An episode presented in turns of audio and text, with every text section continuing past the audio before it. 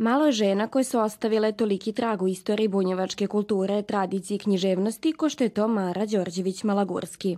Tomu prilog diveni činjenica da ni danas, 49 godina nakon njezine smrti, interesovanje za njezin život, rad i dila ne jenjava.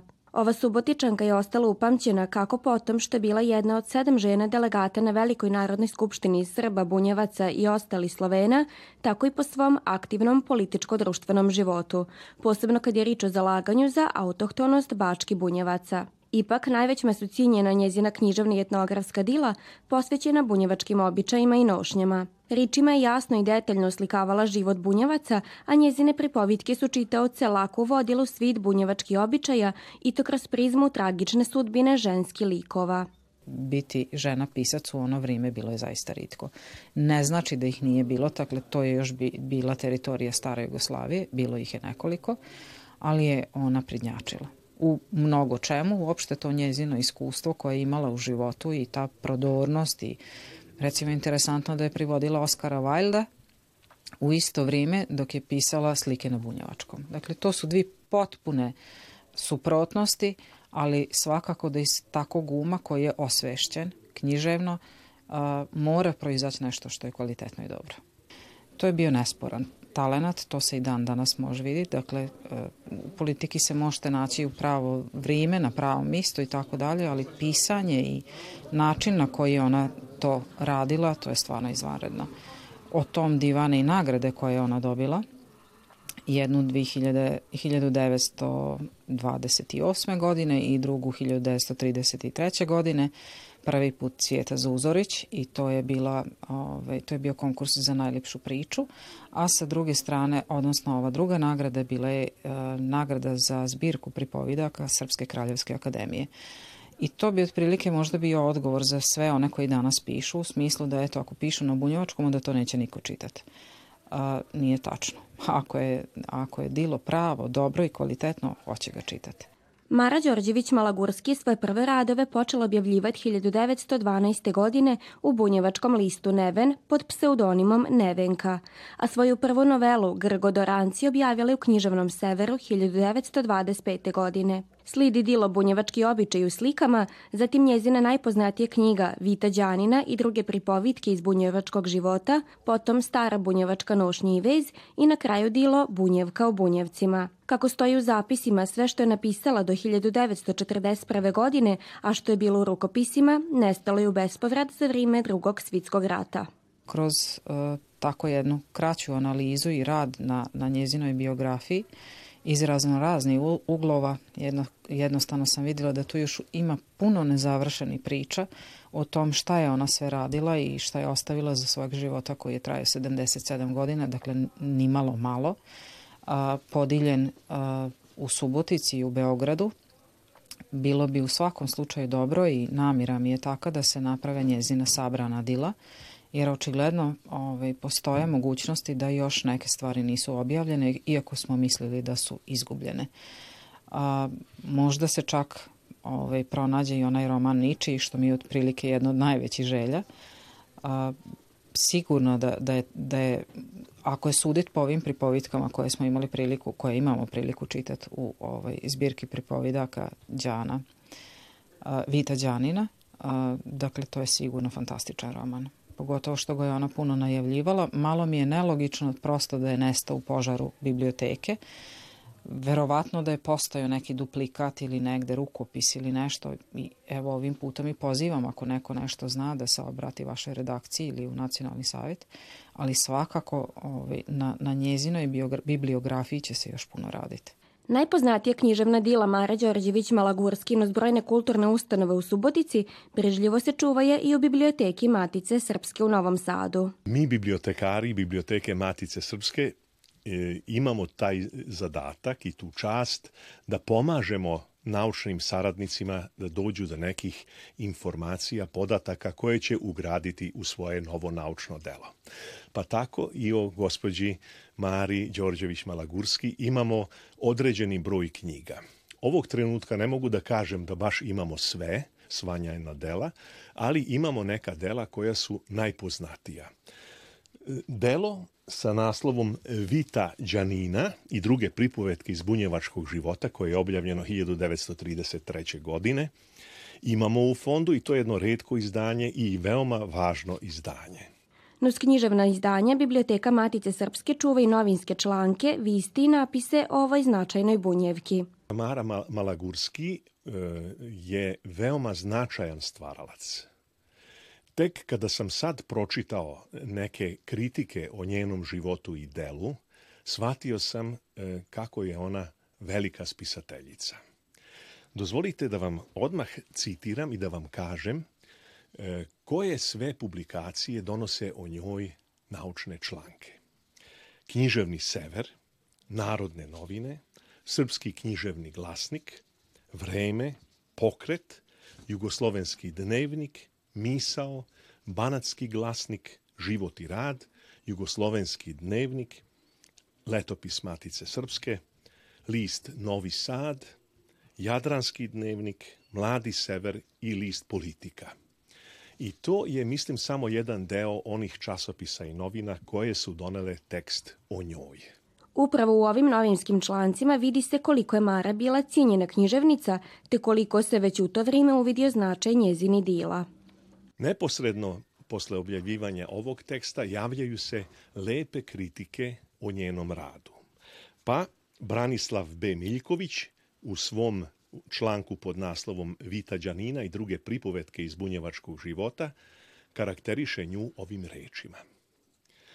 Ovom prvom zbirkom svojih pripovedaka gospođa Mara Đorđević Malagurska pridružuje se našim pripovedačima koji su postali glasnici svojih krajeva i kroz priče kazali nam dušu zavičaja. Kroz njene priče ugledamo i razumevamo život bunjevaca na širokoj i bogatoj bačkoj ravnici sa salašima. Ona nam priča dugu istoriju svog junaka, ali istorija ta se širi. Upletu se raznoliki tipovi, zdese se razni slučajevi, pa se otkriva i širi zbivanje na prostranoj ravnici. U daljem tekstu on analizira tu pripovetku. Sa nemalo pažljivih i lepih reči piše o njoj Jelica Belović-Bernadžikovska. U njenom članku pod naslovom Naše bunjevke, objavljeno u listu Pokret 1933. godine, Ona govori ovako.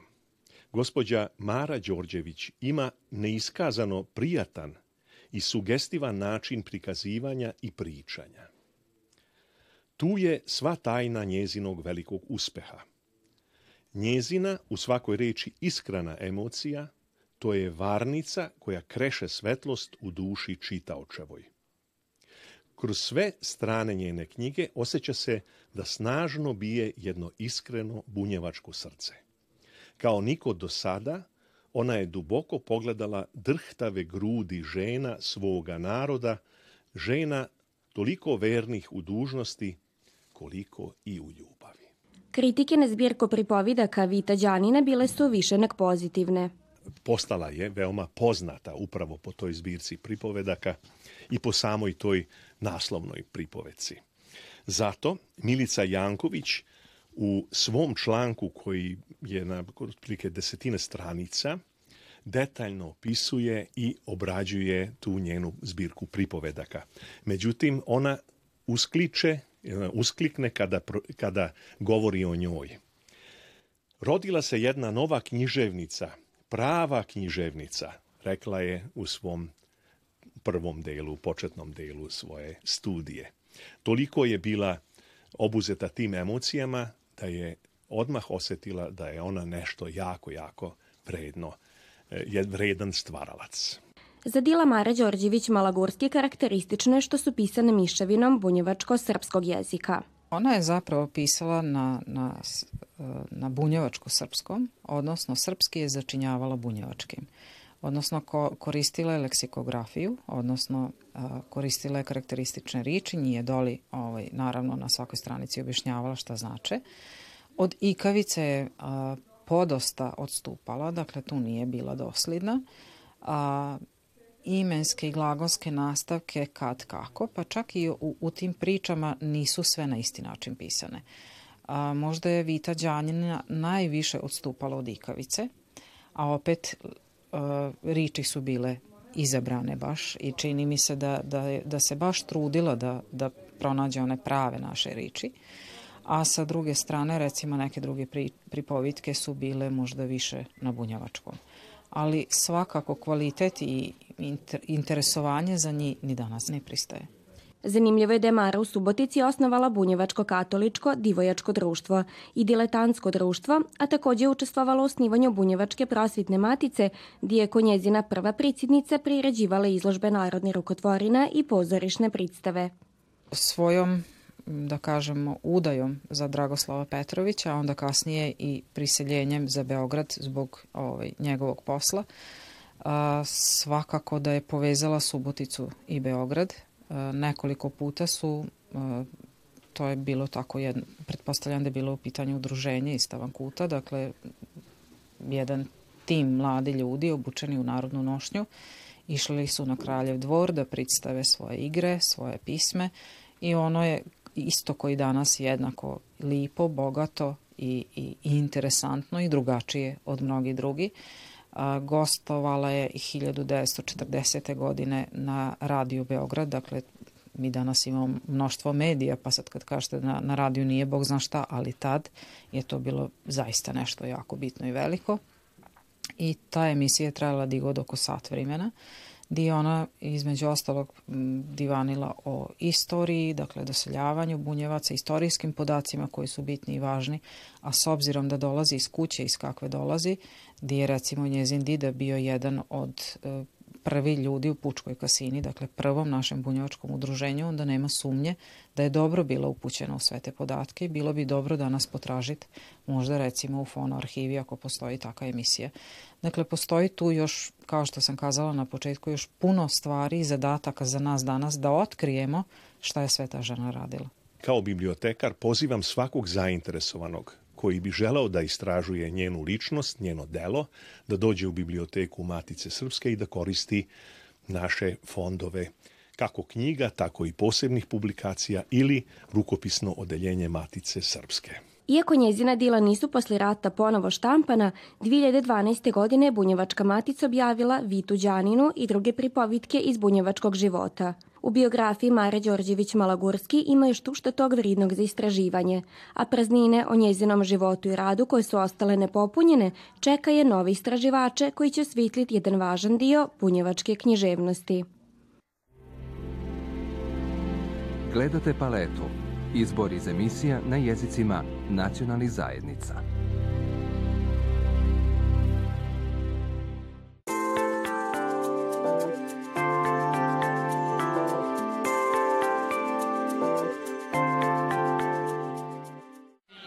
Diablo Bloko Serial Killer. Diablo i sutra Serial Killer. Epe! Druga pozicija, Diablo Bloko, Nadir 3. Koliko je za uspeh u svakom poslu, pa tako i kasačkom sportom, važan timski rad, primer je ova priča. Naime, svakodnevno na salašu u okolini Subotice, tačnije u šumi na Čekeriji, terenu koji je zbog svojih karakteristika idealan za konje, svoje znanje i iskustvo objedinjava je već tri godine unatrag Boris Kačenović i Nikola Poljaković, a i za nje je najbolja sezona od kako se timski bave kasačkim sportom osvojili smo jako dobre rezultate, u samom vrhu smo uh, sa pobedama trenerskima, ja sam drugi vozač, uh, brat ima najveći uspeh do sada konji, koji su moje lično vlasništvo, bratovo i ženino, su imali najveće uspehe. Imamo pobedu u Italiji, Srbija odavno nije imala pobedu u Italiji sa konjem koji je išao odavde iz našeg treninga, ne da je u njihovom treningu, iz našeg treninga i tako da sam jako zadovoljan sa sezonom kad smo počeli raditi zajednički, odmah su počeli rezultati drugi, bolji, a da bi postigli neke rezultate treba ti i fond konja da imaš, jer ne možeš ti sa dva, tri konja da postigneš neke velike rezultate. Možda to neki put ispadne jedan da je dobar, ali upravo e, da bi napravio neki veći uspeh moraš imati više i konja. Tako da sad tu imamo štali tu oko 14-15 komada konja, tu se, nam se broj kreće, od 15 ne verujem da ćemo imati više 16 jer jednostavno ne može stići. Prošle godine smo radili nas dvojica sami, sad smo ove godine još jednog radnika angažovali, jako dobar dečko koji nam pomaže, jer puno je za nas dvojicu 15 komada. Nus to što im je sezona ko timu bila uspješna. Nikoli Poljakoviću je ovo i u karijeri koja traje 35 godina najbolja sezona, a prvi je i po rang listi trenera po zaradama za sezonu 2019. Još dobri rezultata zabilužio je tim Poljaković-Kečenović. Naime, Bojan Kečenović ostvario je nastup u Francuskoj, gdje je predstavlj Srbijom na šampionatu vozača amatera. Radili smo dobro protekle godine 2019.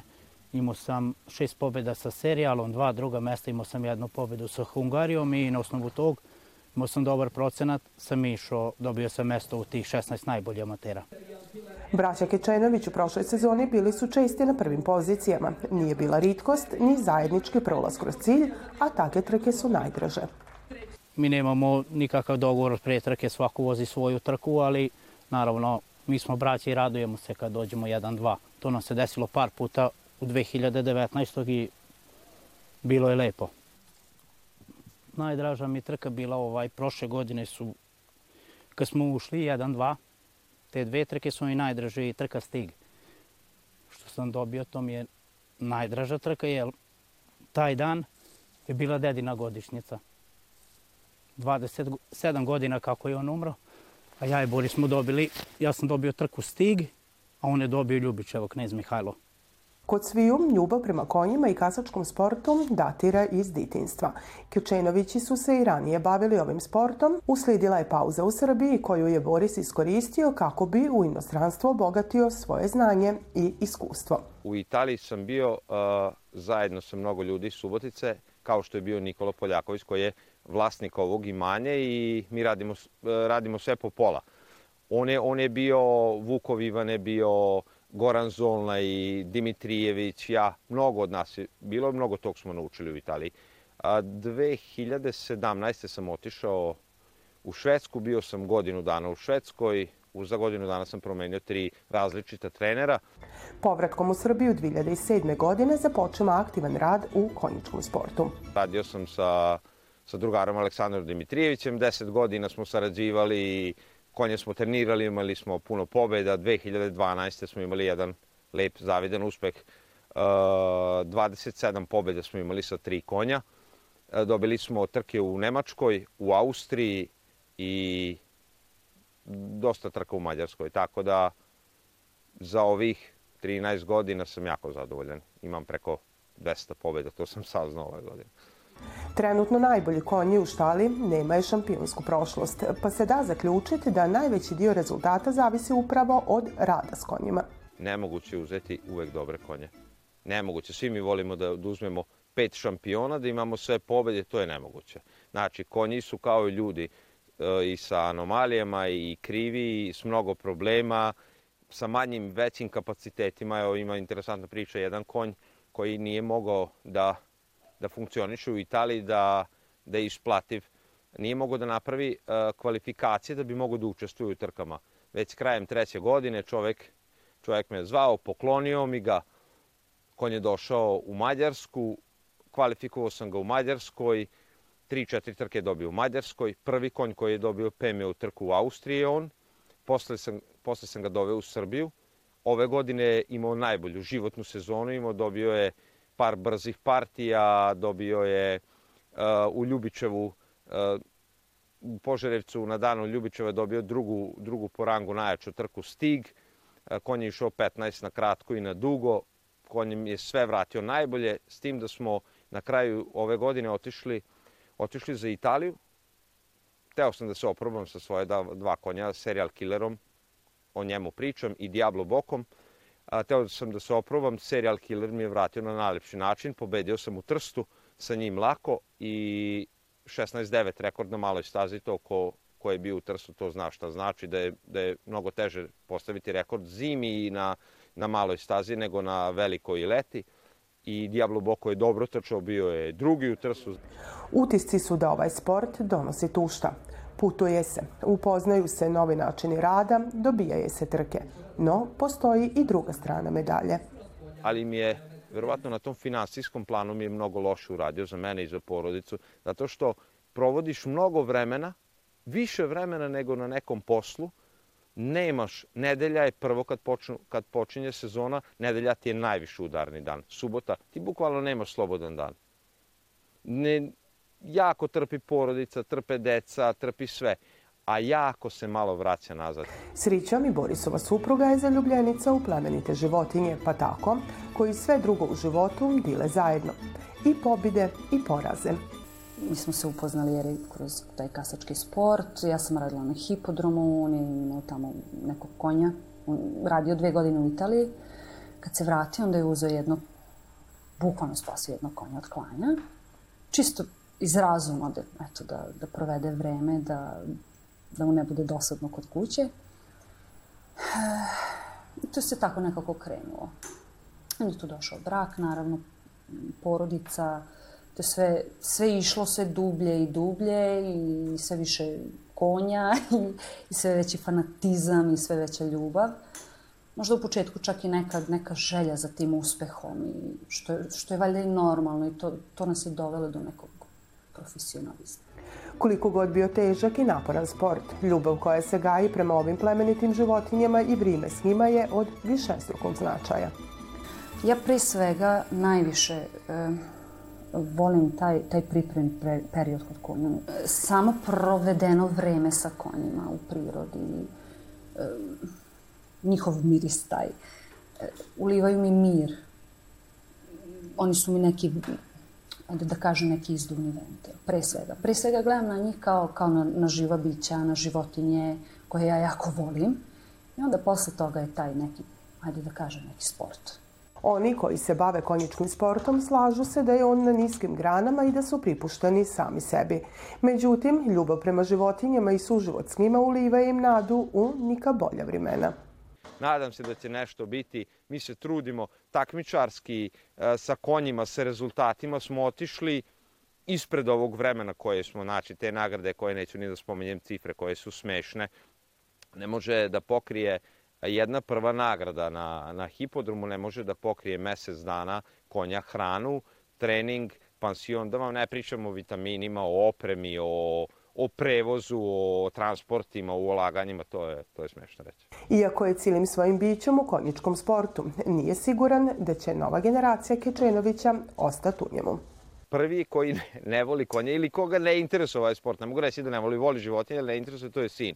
I mislim da je on najpametniji od nas. Pošto najpametnije će da, da usmeri verovatno život na drugu stranu. Mi imamo veliku ljubav, trke, putovanja, sve, ali uvek je držna daj za, za dinar.